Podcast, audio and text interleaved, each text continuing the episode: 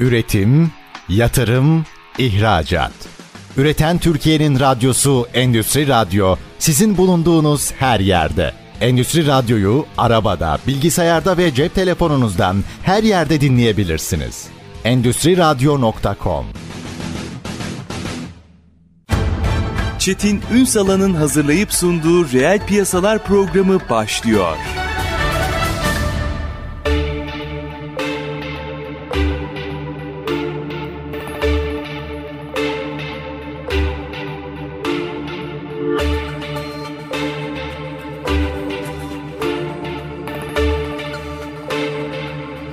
Reel piyasalardan merhabalar. Türkiye'nin gerçek gündeminde birlikteyiz efendim. Bugün reel piyasalarda Gaziantep'i konuşacağız.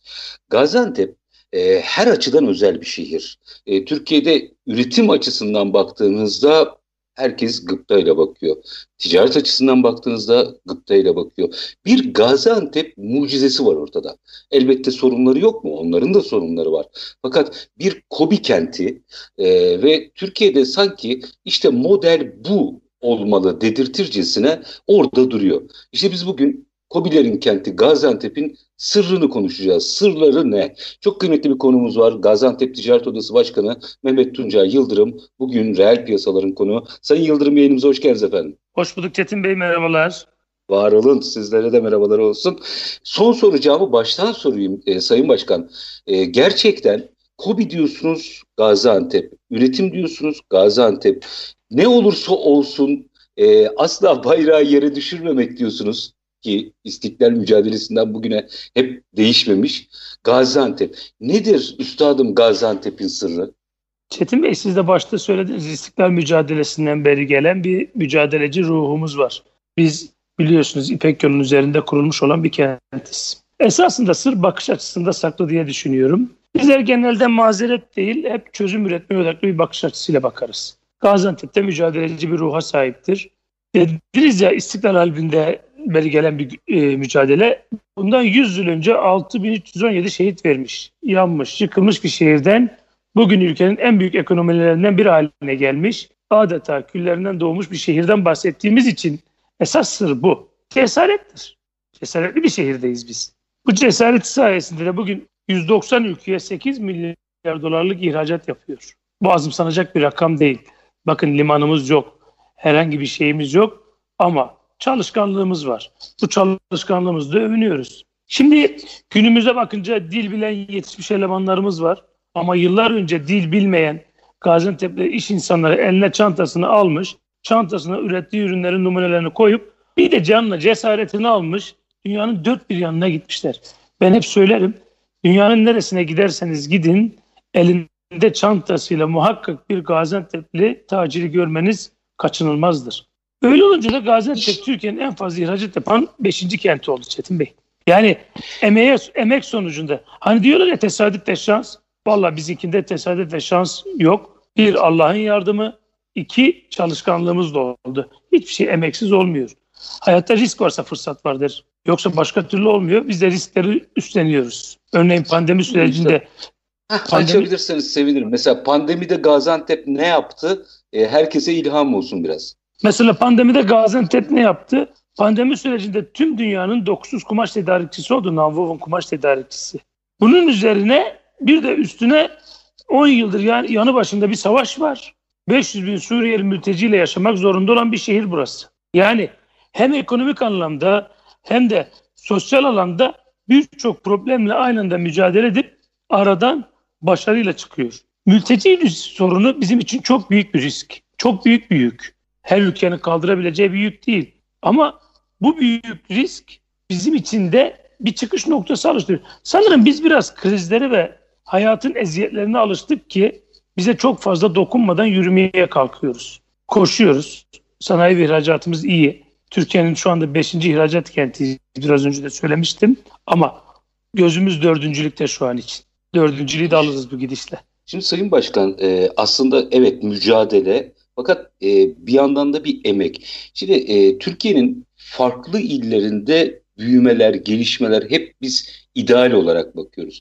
O zaman biraz Gaziantep'in e, sırrını e, tamam söylediniz ama sistematiğini de bize anlatabilir misiniz? Nasıl başardı Gaziantep e, organize sanayi bölgeleri olan ihracatçı ki hatta şimdi dördüncü olmak istiyoruz diyorsunuz. Bize en baştan bugüne bir fotoğraf çekebilir misiniz? Bu yolculuk nasıl gerçekleşti? Çetin Bey, Gaziantep'i doğru bakıldığında e, çok net analiz edilecek bir şehir. Gaziantep hep ben buğday başağına benzetirim. Siz bir buğday ekersiniz ama o size buğday başağı gibi 10 verir, 100 verir. Gaziantep böyle bir kent. Gaziantep devlet yatırım olmadan tamamen özel sektör yatırımları ile bu noktaya geldi. Cesaretle, mücadele ruhla, girişimcilik kültürüyle, bulunduğu coğrafyanın avantajlarını ve dezavantajını görerek başardı Gaziantep. Yarın içinde aynı cesaretle kendilerini yenilemeye, geliştirmeye gayret ediyorlar. Ancak pandemi gibi hazırlıksız yakalandığımız süreç yarına yönelik yaptıkları planlarımızı da ne yazık ki aksattı. Ama Gaziantep iş dünyasının yarına ilişkin yaptıklarını çok kısa özetleyecek olursam bizim Gaziantep iş dünyası keşfe devam ediyor. Daha dün bir gazetede haber vardı. Bir sanayicimizin biliyorsunuz konteyner sıkıntısı bu, bu aralar çok büyük problem. Artık sıkıntı bize yeni iş alanları açtı. Bir sanayicimiz şu anda armatörlük yapacak. Yani konteyner sıkıntısı vardı. Artık baktı ki bizde bir laf vardır. Elden gelen öğün olmaz o da vaktinde gelmez diye. Olsa da vaktinde gelmez diye artık kendi konteyner, kendi armatörlüğünü yarattı. Bu da bugünün herhalde sorusuna en önemli cevaplardan bir tanesidir. Yani e, şunu anlıyorum. Ortada bir sorun varsa ne yapacağız der demek yerine direkt nasıl çözeriz diyor Gaziantep. Sır burada e bu bizim, e, bu bizim düsturumuz. Rahmetli Hacı Ahmet Zila'nın da sözüdür bu. Şikayet etme çare bul diye. Biz hiçbir zaman şikayet etmedik. Bakın biz Ankara'ya gideriz. Bütün şehrin bileşenleriyle birlikte. Bir de bizde böyle bir ortak akıl vardır. Herkes birlikte hareket eder. Biz hiçbir zaman şikayet etmeyiz. Evet bunları yaptınız teşekkür ederiz ama bunlar bunlar olursa çok daha iyi oluruz. Şu sıkıntı var ama bunun da çözümü bu diye sıkıntıyla birlikte çözümüyle sunarız biz. Öyle yaparız ki işimiz daha çabuk daha hızlı dönsün. Biraz aceleci bir toplumuz. Firmaların dayanışması da çok dikkat çekiyor. Gaziantep'te ben çok ciddi bir dayanışma da görüyorum. Onu nasıl sağladınız? Birimiz yükselirsek diğerimizin aşağıda kalması bizi hiçbir zaman rahat ettirmez. Eğer ki şehirdeki bütün sanayici güçlüyse biz rakip olarak bakmayız. Ticaretteki ticaret ayrıdır. Ticarette rekabetimizi yaparız. Ama tek taşla duvar olmayacağını hepimiz biliyoruz. Biz üst üste gelerek güçlü bir duvar olmayı seçtik. Bundan dolayı gücümüz zaten. Mesela çok basit bir örnek vereyim. Burada bir halı fabrikası bundan 7-8 yıl önce yanmıştı. Kül oldu. Hiçbir şey kalmadı. Ama adam halıcı ve halıyı yapması gerekiyor. Halı makinesinin gelmesi de yaklaşık bir yıl sürer sıradaysanız. Bütün halıcılar siparişli olan makinelerinden birer tanesini o meslektaşlarına verdiler. Yani birinin başarısı bizi durdurmaz. Bizi daha çok kamçılar, daha çok haz verir, daha çok hızlandırır. Bundan dolayı birliktelikten biz keyif alıyoruz. Müthiş. E, bu örnek çok güzel bir örnek yani halı örneği. Bu arada halının da neredeyse dünyadaki başkent haline gelmiş vaziyette Gaziantep. Biraz e, o noktada nasıl nasıl bir fotoğraf var açabilir misiniz bize? Ne oldu da e, Antep dünyanın halı tedarikçisi haline geldi? Şöyle bir söyleyeyim. Biz zaten bir tekstil kentiyiz biliyorsunuz. Geçmişten gelen bir tekstil alışkanlığımız var. Şereküstü dediğimiz semtimizde de tekli mekanik halı tezgahlarında tahıllar dokunurdu. İptidai makineler. Ama şu anda artık tamamen full otomatik dijital makinalarımız var. Bilgisayar otomasyonlu makineler var. Oradan bu noktaya gelirken de biraz önceki dediğim gibi dünyanın neresine giderseniz gidin bir Gaziantep sanayici ve iş adamını görürsünüz dedim ya. O hazzımız, o inancımız, inadımız diyelim. Esasında inadımız, satış inadımız bizi halıda da bir numaraya getirdi. Dünyada yüzde dünya makine halısının yüzde otuz sekizini üretiyoruz. Türkiye'de katma değerli dünyada mi? çok katma değerli olduğunu söyleyemem. En büyük sıkıntımız zaten bu. Ama inovasyon yaparak, yeni değerler katarak bütün alıcılarımız şu anda bununla uğraşıyor. Anti, bugün alerji insanların hepsinin problemi. Anti alerjik halılar, hı hı. toz tutmayan halılar, inovasyon yarışı içerisinde hepsi. O zaman şehir Arge'ye de yatırım yapıyor anladığım kadarıyla. Ee, Üstad şimdi organize sanayi bölgeleri e, kaç oldu? Ben en son 5 5'te e, bırakmıştım. 5'te mi hala? Çetin Bey bıraktığınız yerde hiçbir zaman Gaziantep'i bulamazsınız. Hiçbir şey bulamazsa yürüyüp gider. Gaziantep Organize Sanayi Bölgesi evet şu anda 5. Organize Sanayi Bölgesi ama 6. yapmayalım genişleyelim dedik. 5'in etrafındaki genişleme sahasının tamamını Organize Sanayi Bölgesi e, yönetimi açmaya çalışıyor. Biz o konuda biraz şanslıyız. Bizim Organize Sanayi Başkanımız hakikaten bu konuda atom karıncılardan bir tanesi. Cengiz Şimşek. E, yeni organize sanayi alanları açılacak. Çok kısa sürmez 6 ay sonra inşallah pandemi de hafiflemiş olur. Sizi burada bir misafir edip gezdiririz. Keyifli. Organize sanayi bölgesi derken de lafınızı kestim. Bizim organize sanayi bölgemiz mesela 5. organize sanayi bölgesinde fabrika yatırımı kadar harfiyat yatırımı yap. Hayır harfiyata para harcıyoruz biz. Yani da Ferhat'ın dağı delmesi gibi dağı delip fabrika yapıyoruz. Ben en son e, Gaziantep'e geldiğimde 5 e, doluyordu, olmak üzereydi. Ama OSB'leri gezdiğimde 5 daha yeni kuruluyordu. Öyle e, bir sanayi sitesi falan gibi de değil. Çünkü bazen Anadolu'da bunu görüyoruz. OSB'lere gidiyoruz. Yani işte biraz hacimli sanayi sitesi. Baya devasa bir üretim üssü e, her bir OSB. E, ciddi iş yapılıyor orada. Çetin Bey, OSB gibi OSB'ye sahibiz. Çok net söyleyeyim. Yani bizde sanayi sistemimiz ayrıdır. Burada hakikaten dünyanın devlerine ürün üreten, ara yan, yan ürün üreten, ara malzeme üreten fabrikalarımız var. Bizimki hakikaten de büyük. Şöyle söyleyeyim, Türkiye'deki üretilen elektriğin yüzde iki buçuğunu yaklaşık sadece Gaziantep Organize Sanayi Bölgesi tüketiyor. Buradan herhalde büyüklüğünü anlamış oluruz. Yeterince e, aslında payı olduğunu da görüyoruz. Şimdi e, şu, bir İki dakika sonra minik bir araya gideceğim. Ar araya gitmeden önce e, bir kümelenme projesi de var anladığım kadarıyla Gaziantep'te. Dijitalleşme yolculuğuna nasıl bakıyor? Konuyla ilgili fikrinizi de alayım da. Yani bununla ilgili yatırım ve çalışmalarımız devam ediyor. Odalarımız bununla ilgili. Sanayi odası, ticaret odası, borsa üyelerine bu konuda da zaten gerekli yardımcı çalışmaları yapıyor. Mesela bizim bir GETAM diye marka modelleme ve hibrit merkezimiz var. Burada da hem mesela yeni yatırımcılara alan açıyoruz. Sorunları varsa onlarla ilgili çalışmalar yapıyoruz. İnkübatörler, inkübatör merkezimiz var. Bunu kuluçka merkezleri. Bunlarla ilgili de çalışmalarımız devam ediyor. Sanayiciye de organize sanayi bölgesinde sanayi odamızın model fabrikası var mesela. Ha, o model fabrikayı biraz açalım isterim ama yarım kalmasın. Ee, kısa bir araya gidelim. Hem o model fabrikayı konuşalım. Arkasından bir lojistik köy projesi var e, çok önemsediğim. O iki projeyi biraz açmak istiyorum sizde ama müsaade edin yarım kalmasın bunlar. Kısa bir araya gidelim aranın ardından devam edelim. Efendim Gaziantep, Türkiye'de üretim denilince evet birçok ilimiz var. Ama Gaziantep bir kobi kenti ve üretim üssü gibi Gaziantep'in sırrını biraz sizlerle paylaşıyoruz. Konuğumuz Gaziantep Ticaret Odası Başkanı Mehmet Tuncay Yıldırım. Kısa bir ara verelim. Aranın ardından reel piyasalarda Gaziantep konuşmaya devam edeceğiz. Lütfen bizden ayrılmayın. Üretim, yatırım, ihracat.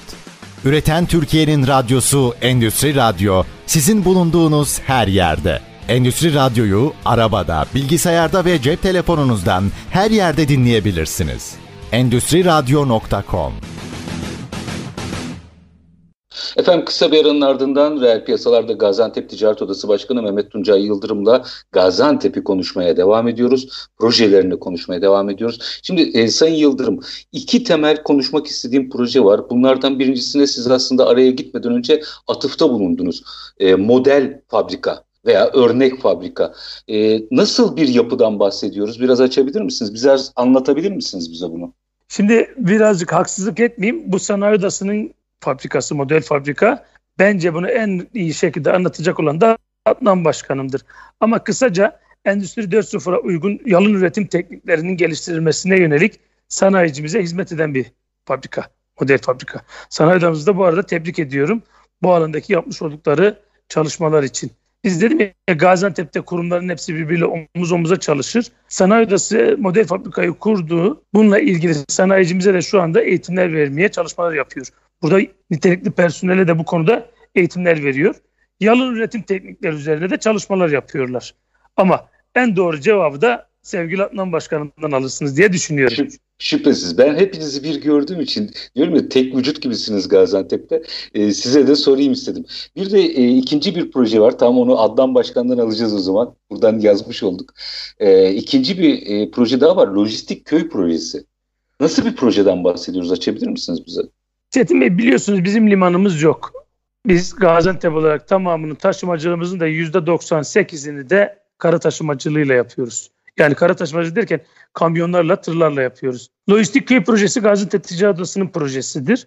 Bu alanda da geçenlerde zaten alanımızı bulduk. Mera vasfından çıkarttık ancak şöyle bir sıkıntı oluştu.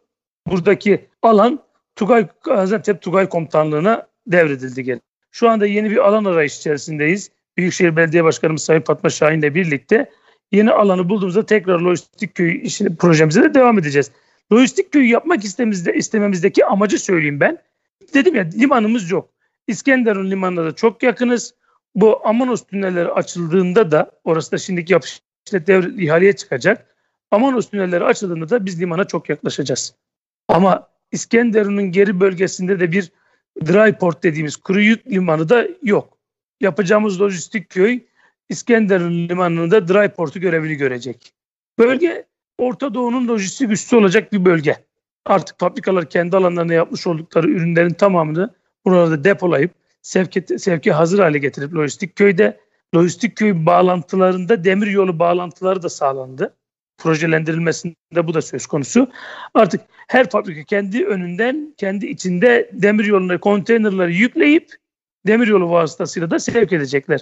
Ama bununla ilgili öncelikle de Amanos tünellerinin açılması gerekiyor. Biz Antep'e deniz getiremedik ama denizi Antep'e yaklaştırmak üzere çalışmalar yapıyoruz. Müthiş. Ne olacak tam olduğunda yani gerçekleştiğinde bu e, lojistik köy olduğunda hem Gaziantep'e hem Türkiye ekonomisine ne katacak? Şöyle bir şey var Çetin Bey. Biliyorsunuz biz 10 yıldır Suriye Savaşı'nın cefasını çekiyoruz. Bu savaşta en çok çekenlerden birisiniz. Yani Türkiye'deki 5 kişiden Gaziantep'teki 5 kişiden birisi Suriyeli. 500 bin Suriyeli mülteci var dünyanın hangi kentine, metropol kenti New York'a, Paris'e, Hong Kong'a bir gecede 10 bin kişi indirseniz şehirde her şey felç olur. Doğru mudur? Ama Gaziantep 500 bin Suriyeli ile birlikte yaşamaya çalışıyor ve uyum içerisinde herhangi bir asayiş olayı söz konusu olmadan. Suriye'nin bu kadar cefasını çekmişken de Suriye'nin yeniden yapılanması, savaş sonrası yapılanmasında da Gaziantep lojistik üst konumunda bulunacak. Öncelikle bu lojistik köyün dünya ülkelerinin kullanımı noktasında, Orta Doğu'nun lojistik merkezi olması noktasında çok büyük önemi var. İşte o zaman ikinciliğe, üçüncülüğe göz dikeceğiz. İhracatımızı arttıracağız. İhracatı. Tabii ki. Biz burada, biz üretmekten hiçbir zaman yılmayan bir kentiz. Risk almaktan yılmayan bir kentiz. Bakın başarı dedik ya risk alıyoruz. Adamın hiçbir şey yok. Bir cep telefonu var, bir milyon dolar paramız var adamın üzerinde. Ama biz doğru çalışırız dürüst çalışırız. Paramıza hiçbir şey olmaz. Paramızı da tahsil ederiz. Yani o Dünyanın bizim bir risk almazlar. Geleneksel ticari ahlak hala devam ediyor Gaziantep'te anladığım kadarıyla. Ettirmeye çalışıyoruz. Ben biraz realist bakıyorum. Çok da eskisi gibi değilse bile ama ettirmeye çalışıyoruz. Büyük oranda da devam ediyor. Burada bir şeyi daha açmanızı rica edeceğim. Siz evet belli gelenekleri koruyorsunuz. Gaziantep'te bir de tek bir sektör de yok. Hem üretim hem ticaret anlamında baktığınızda çok sayıda sektörü kucaklamış vaziyette. O e, ahengi nasıl sağlıyorsunuz? Biliyorsunuz hep krizleri yaşadık. Yaşamış olduğumuz krizler de bize bunlarla ilgili içinden çıkış yollarını öğretti. Hani derler ya yumurtanın hepsini aynı sepete koymayın kırılır diye. Çok bilindik iktisatçıların bilindik bir sözüdür. Yumurtayı aynı sepete koymayız biz. Bugün gıdada lider konumdayız. Ayakkabı terlik sektöründe Türkiye'nin lideriyiz. Plastik sektöründe lider alanlardan alan olduğumuzdan bir tanesidir. Yani büyük oranda güçlü olduğumuz alanlardan birisidir plastik ham madde sektörü. Dönelim geriye tekstilde lider konumdayız. Bu yan çeşitlilik. İki kardeş fabrika kurmuş, çalışıyorlar. Diğer ayrılırken bir başka sektöre geçmiş. Bu çeşitlilik de bize her krizde de ayakta durmayı, şehrin 220 bin çalışan var bakın Çetin Bey Organize Sanayi Bölgesi'nde. Nereye bağlayacağım? 220 bin çalışan çeşitli farklı sektörler olduğu için kriz döneminde hiç durmadı. Muhakkak bir sektör düşse diğer sektör çalışmak suretiyle bu şehirde işsizliğin önüne geçildi. Yeni arayışlar, kar edebilmek isteği, farklı alanlara yatırım yapmak için biz dünyayı geziyoruz dedik ya gezerken de gözlemliyoruz. Yalnızca mal satıp gelmiyoruz. Bunun ne ihtiyacı var ne üretebilirize bakıyoruz. Bu bakış açımızda bizi yeni alanlara yönlendirdi. Ama enteresan olan şu, e, şimdi herkes dünyayı geziyor da e, fikriyle geri dönüyor. Siz fikri hayata geçiriyorsunuz Gaziantep'te. E bizde derler ya ne yaparsan iyisini yapacaksın. Biz ne yaparsak iyisini yapmayız. Mücadeleciyiz. Bizim bir denizimiz yok ki. Çok enteresan bir şey söyleyeyim. Türkiye'de sıralamasına giren Gaziantep'li, zenginlik sıralamasında giren Gaziantep'li ailelerimiz var. Sanayicilerimiz var. Ve birçok sene ilk 500'de 29 fabrikamız, sanayicimiz var. 29 sanayici. Emin olun Gaziantep'li sanayici bu kadar yatırım yapar. İçinden bindiği bir arabası bir de evidir. Biz kazandığımızı tekrar sanayiye yatırıyoruz. Bunun içinde daha farklı ne yapabiliriz noktasında hep aksiyon alıyoruz. Şimdi tabii iş yapış tarzı eleştirilebilir ama Allah rahmet eylesin. E, Türkiye'de mucit kim diye sorsanız veya zihni sinir kim diye sorsanız rahmetli Mennan Usta'yı söylüyorum. Şimdi Gaziantep deyince Mennan Usta e, çok zeki insanlar bir de. Yani bakarak bir makine çizilebilir mi? Biliyorsunuz siz de Mennan Usta'nın hikayesini Fuara bilirsiniz. girmesi yasak. Yasak da e, yurt dışında. Şimdi bu nasıl bir bakış açısıdır? Bu Mennan Usta belki de Allah rahmet eylesin en bilinenidir. Bakarak bir makineyi hafızasında tutabilecek zekada insanların olduğu bir şehirden bizim daha çok yararlanmamız gerekmiyor mu? Zorluklar insanlara her şeyi öğretiyor. Ayakta kalabilmek için de çabalamak ve güçlü olmak durumundasınız. Onun için de bu zorluklar bizleri yetenekli kıldı. Belki bizim bir limanımız olsaydı, belki biz deniz kenti olsaydı bu kadar çalışkan olmayabilirdik. Bulunduğumuz coğrafya zor bir coğrafya. Bu coğrafyada ayakta kalabilmek için de üretmek, üretmek, üretmek durumundayız. Siz düşünün bir şehir, her tarafında savaş var. Suriye'de savaş var, Irak'ta savaş var. Hiç iç huzur olan bir ülke yok ki yanı başımızda. Onun için biz barış içerisinde, huzur içerisinde üretmek ve birlikte güçlü olmaktan tarafız. Bundan dolayı da mücadeleciyiz ve aklımızdakini hayata geçirmekte çok, biraz ayağımız çabuk. Bir de bir özelliğiniz daha var. Son dönemde bütün projeler bunun üzerine kurgulanıyor gördüğüm kadarıyla.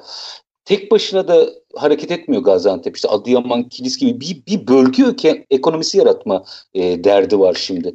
Nasıl bir dert o? Gerçekten nasıl bir bölgeden bahsediyoruz? Çetin Bey bakın çok basit somut bir örnek vereyim ben. Bizim Gaziantep Ticaret Odası'nın Sevilla Ticaret Odası ile birlikte yapmış olduğu bir proje var. Ticari istihbarat servisi. Biz ne yapıyoruz? Sevilla Ticaret Odası'nın know-how'ını tamamen kendimiz aldık, kullandık. Biz bunu Gaziantep Ticaret Odası olarak tek başımıza yapabiliriz. Ama benim bunu tek başıma yapmam bana bir fayda sağlar. Evet bana sağlar ama ben yükselirken etrafımın aşağıda kalması, geride kalması beni geriye çeker. Biz burada ne yaptık? Ticaret Odası olarak Adıyaman Ticaret Sanayi Odası'nı kendimize partner seçtik. Birlikte yükselirsek yukarıda kalırız. Çünkü yukarıda çetin bir mücadele var. Sırtımızı evet. sağlama dayamamız lazım. Adıyaman bizim kardeşimiz. Urfa, Şanlıurfa bizim kardeşimiz. Kilis bizim kardeşimiz. Biz bunlarla birlikte güçlü gidersek tekrar yıkılmadan orada sürekli asıl olan sürdürülebilir olmaktır. Sürdürülebilirliğimizi de diğer yanı başımızdaki illeri de bizimle birlikte yukarı çekerek sağlıyoruz biz. Nasıl bir işbirliği yapıyorsunuz?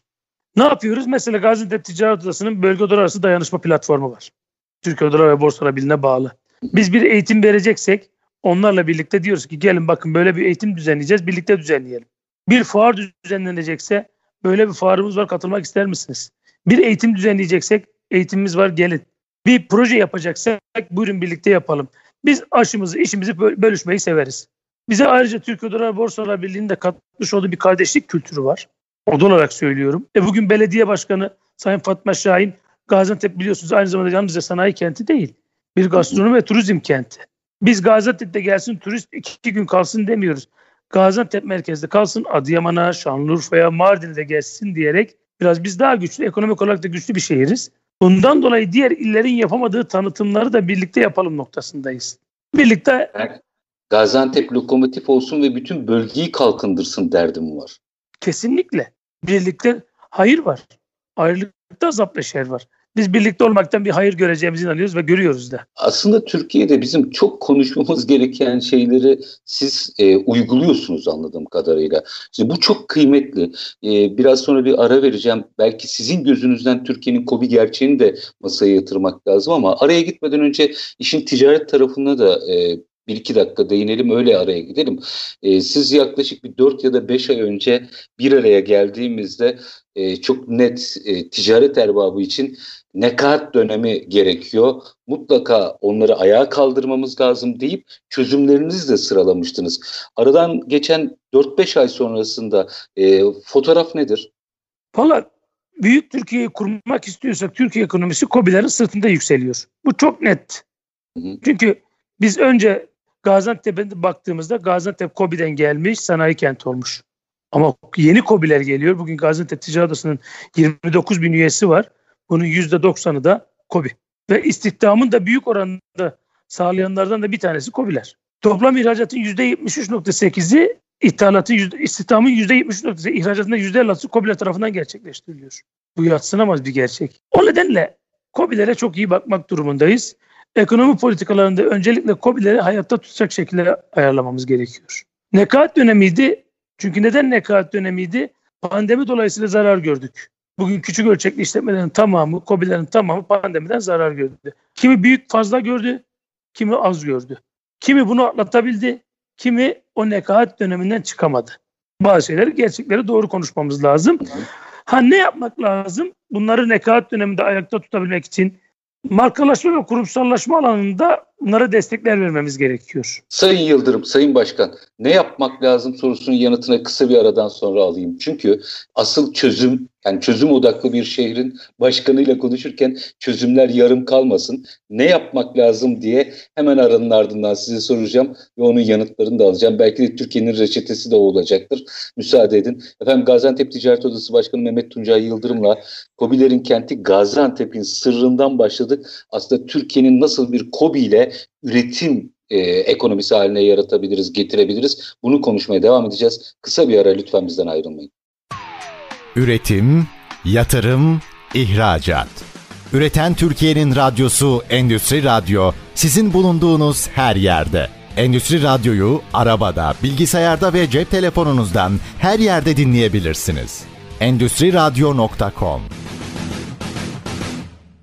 Efendim kısa bir aranın ardından reel piyasalarda Gaziantep Ticaret Odası Başkanı Mehmet Tuncay Yıldırım'la sohbetimiz devam ediyor. Şimdi Sayın Yıldırım nekat dönemine atıfta bulunmuştum. Ne yapmak lazım sorusunun yanıtıyla virgül atmıştık. Hadi ben o virgülü kaldırayım. Ne yapmak lazım diye size sorayım. Siz çözümleri anlatın bize. Ne yapmak lazım? COBİ'lerimize çok iyi bakmak lazım. Çünkü ekonomi politikaları COBİ'leri önceleyerek hayata geçirmeli.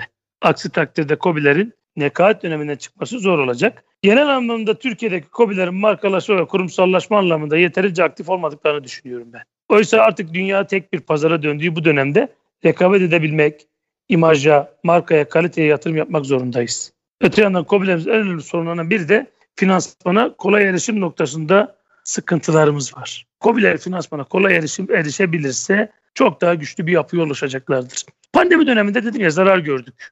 Ama bunları bu zararları hep birlikte atlatıp daha güçlü çıkacağız. Dünya artık tek bir pazar. Aa, mesela bu arada odamız ne yapıyor? Hem dijital eğitimler vermek suretiyle Endüstri 4.0 hazırlıyor.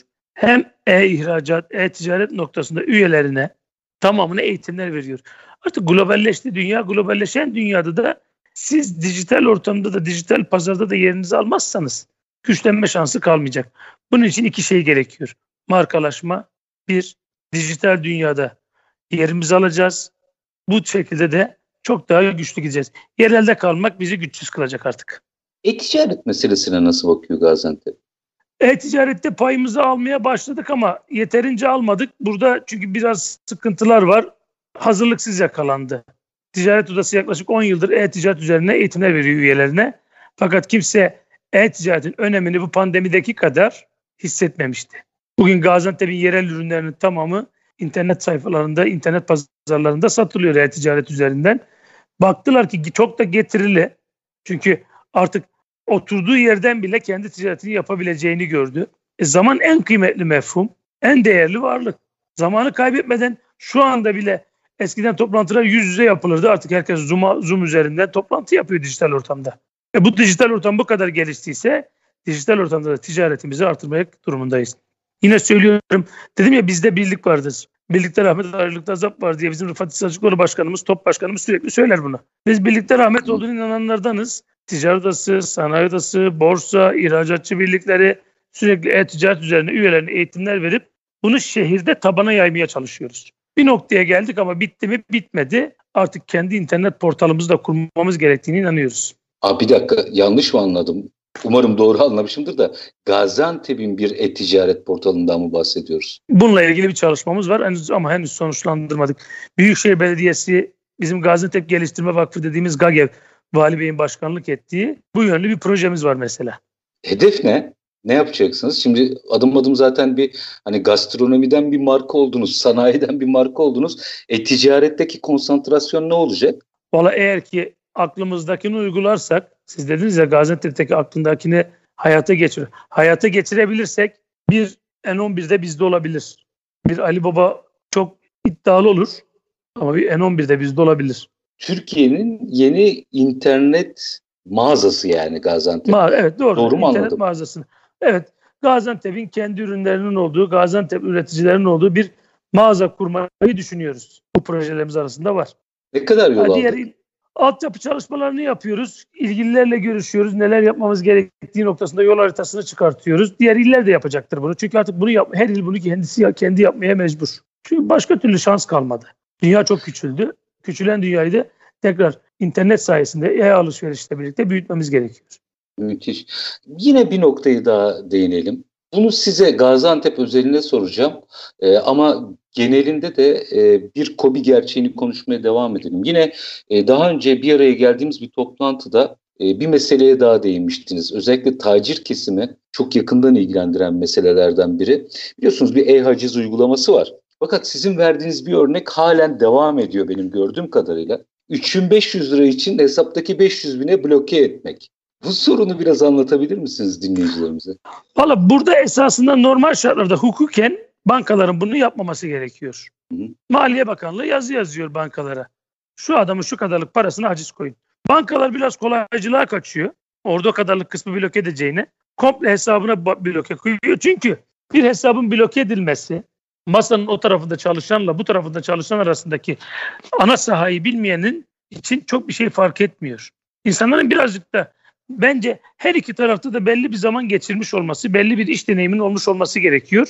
Şu anda da bankalar bu noktada biraz azalttılar ama biz çünkü bu işi çok kovaladık. Yapılmaması gerekiyor. Tacirin itibarını zedeliyor. Maliye Bakanlığı'yla da görüştük. Maliye ile de görüştük. Vergi Dairesi Başkanlığı'yla da. Onlar da direkt cevapları şu. Biz rakamsal olarak e, haciz konmasını istiyoruz. Bankalar bunu toplam bütçeye koyuyor diye, etap bütün hesaba koyuyor diye. Kimse bizde bir söz vardı. Suçu gelin gelin etmişler kimse üstüne alınmamış. Kimse üstüne alınmıyor ama bir de yaşadığımız gerçek var. Şu anda bununla ilgili çok fazla şikayet gelmiyor. Azaldı. Gelirse de aynı tepkiyi tekrar veririz biz. O konuda biz dedik ya Çetin Bey siz de biz tanıyoruz. Gaziantep olarak biz doğru bildiklerimizi söyleme taraftarıyız ki söyleriz. Evet. Yanlışa da yanlış deriz. Şimdi bu örneği sormamın bir nedeni vardı Sayın Başkan. Şimdi biraz sonra sizden nasıl güçlü bir üretim ekonomisi yaratabiliriz, ticaretle e, bütünleşmiş nasıl bir yapı yaratabiliriz diye sorusunun yanıtını alacağım ama öncesinde dön dolaş iş finansmana geliyor. Bunu sormamın nedeni şuydu. Reel sektörünü bu kadar tanımayan bir bankacılık sektörü, bunu kötü manada söylemiyorum, tanımıyorlar. Farklı bir e, dünyadalar. Varken yani böylesine kopukluk olan, aynı e, hikayeye bakmayan e, bir finans sektörüyle reel sektörü nerede buluşturacağız biz? Türkiye niye KOBİ'lerine daha farklı yaklaşmıyor? Proje bankacılığı konuşmuyor. Yani siz bir yatırım yapacaksınız diye malı mülkü neredeyse rehin bırakır haldesiniz. Siz değil bütün Türkiye'deki KOBİ'lerden bahsediyorum. Teminat diye.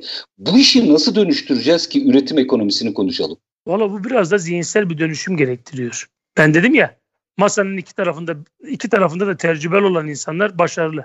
Bankacılık sektöründe de öyle. Hem özel sektörü bilecek hem bankacılık sektörünü biliyorsa çok başarılı oluyor. Benim projem para kazanacaksa buna para yatırmaları gerekiyor.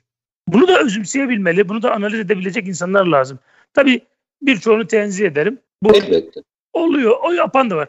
Şu dönemde özellikle bakın bu son dönemlerde eğer ki kamu banka destekleri olmasaydı bizim kobilerimiz çok büyük sıkıntı yaşayacaktı. Kamu bankaları zarar pahasına da destek verdiler ve teşekkür ediyoruz. Ne oluyor? Dönüyoruz. Bir projemiz var. E, neyin var senin? Bizi ipotek edecek diyorlar. Ya projem var. Bunun geçerliliği yani Matematik olarak baktığınızda dünyada matematik yalnızca aile ilişkilerinde çalışmaz. Doğru sonuç vermez. Ama geri kalan her şeyi matematikle izah edebilirsiniz. Yani benim projem feasible mı değil mi buna bak. Buna ortak Buna bak, kredi ver. Bak diyorum ya dünyada matematik bir tek aile ilişkilerinde çalışmaz. Çünkü bazen aile ilişkilerinde zararı veyahut da oradan zarar göreceğinizi bile bile tamam demek durumunda kalırsınız. İki kere iki dört etmez aile ilişkilerinde her zaman. Ama diğer her şeyde matematikle izah edilebilir. Feasible ise feasible projeye yatırım yaparsınız. Yatırımdan da siz de kar ediyorsunuz. Bir tek yatırımcı kar etmiyor ki. Banka da kar ediyor. Sonuçta bu bir güç birlikteliği. Maalesef ülkemizde henüz projeye yatırımcılığı, projeye finansman sağlanması çok da rantabı veya da çok da alışılabilmiş bir şey değil bankacılar arasında. Peki buradan yola çıkıp sizden şunun yanıtını alacağım.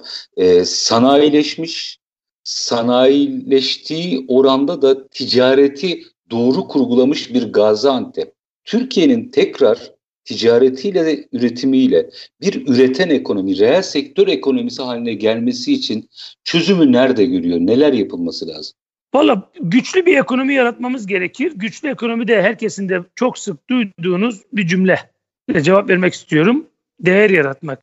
Şimdi biz binlerce metre halı satıyoruz Çetin Bey. Bir tane telefon alıyoruz. Gaziantep Dünyanın Halı Üretim Merkezi bizim için çok gurur verici bir durum. Şehir ve ülke ekonomisine, istihdama çok değerli katkılar sağlıyor. Bu alanda dünyanın lideri olan Belçika'yı tahtından indirmiş bir şehiriz. Bakın bir ülkeyi halıdaki liderliğinden indirmiş bir şehiriz. Ama halıyı daha katma değerli hale dönüştürmek, dünyadaki metrekare satış fiyatında artırmamız gerekiyor. Bunu yapmadığımız takdirde güçlü olamıyoruz. Biz katma değer yaratacağız. Binlerce metre halı satıyoruz. Bir tane cep telefonu alıyoruz. Biz bu cep telefonunu yapabilir, dijital ürünler üretebilir bir noktaya gelmemiz gerekiyor. Ülke olarak gelmemiz gerekiyor. Bir tane oyun satıyor, dijital oyun satıyor adam. Milyar dolar. Bizim gençlerimiz zeki gençler. Biz bu alanlarda gençlerimize biraz daha üretim, yatırım yapmamız gerekiyor. Önlerini açmamız, özgüvenlerini sağlamamız gerekiyor. Yatırım alanlarımızı yani, biraz daha çeşitlendirmemiz gerekiyor. Bence elektronik alanı daha doğrusu dijital alanda yatırım yapmamız gerekiyor. Bununla ilgili de projeler galiba e, bir kümelenme çalışması var Gaziantep'te yanlış bilmiyorsam. Var ama daha da artırmamız lazım. Uzun soluklu bir mücadele. Bugünden yarın olacak bir şey değil. Aa, biz Gaziantep üzerinde söylersem valla bizim şehrimizde başka bir şehir olsaydı şu anda nefes alacak ya ayakta duracak hali kalmazdı. Çetin Bey biz savaş esnasında 200 fabrika yapmış bir şehiriz ha. 200 fabrikayı Suriye Savaşı'nda yanı başımıza füze düşerken yapan bir şehir. Biz bunda başarılı olacağımızı inanıyoruz. Ama dedim ya bu son dönem bizi biraz yordu. Biraz dinlenip biraz güçlenip devam edeceğiz. Ama ülke olarak da katma değerli ürünler üretmemiz lazım. Halı yapıyoruz. Petrokimya ürünleri var. Maddemiz, jütümüz yurt dışından geliyor. Bangladeş'ten. Polipropilen ithal. Biz bunları kendimiz üretir duruma gelirsek emin olun çok başarılı oluruz. Sayın Başkan çok teşekkür ediyorum. Aslında sözlerinizden e, hem Gaziantep'in biraz sırrını çözdük hem de Türkiye'nin aslında Gaziantep'ten neleri örnek alması gerektiğini e, çok net anlattınız. E, bir iki cümle şunu da alıp size veda edeyim. Pandemi sonrası için Gaziantep fotoğrafı nasıl görüyor? Pandemi sonrası için bir kere artık her şey alıştığımız normaller olmayacak. Artık yeni normallerdeyiz. Eski normaller ortadan kalktı. İnsanlar birbiriyle tokalaşmayacak bu saatten sonra. Bu işin latifesi. Ama pandemi sonrasında bir sıkıntı yaşayacak mıyız? Yaşadık. Küçük esnafımız sıkıntı yaşıyor mu? Yaşıyor. Kobilerimiz yaşıyor mu? Yaşıyor. Biz Gaziantep üzerinde söyleyeyim. Biz dirençli bir kentiz. Üretmeye, durmadan üretmeye devam edeceğiz. Biz bu şehri seviyoruz. Pandemi sonrasında da ürün çeşitliliğimiz yine arttı. Mesela Gaziantep bir mask üretim merkezi haline geldi. Gaziantep bir hijyenik önlük elbise ameliyathane ürünleri üretim merkezi haline geldi. Çünkü kumaşı ana ham maddesi bizde. Biz yapıyoruz. Bu noktada Bununla birlikte dijital alandaki e-ticaret alanında da güçlenmeyi planlıyoruz ve bununla ilgili adımlarımız var. Devam ediyoruz. Bu alanda söz sahibi olmamız lazım. Dedim ya dünya çok küçüldü. Artık bir tuş kadar yakında. E-ticarete önem vermemiz gerekiyor. E-ticarete önem vereceğiz. Veriyoruz da. Üretim üretim çeşitliliğimizi devam ettireceğiz ve durmadan üreteceğiz. Çünkü Gaziantep bu ülkenin sigortasıdır. Müthiş. Manşeti de attınız. Gaziantep bu ülkenin sigortasıdır. Ee, Sayın Yıldırım çok teşekkür ediyorum. Aslında e, bugün böyle genel bir e, Gaziantep konuşmak istedim sizle. E, aslında tek tek meseleleri açsak Gaziantep'te yaşananların her biri bir program konusu olur.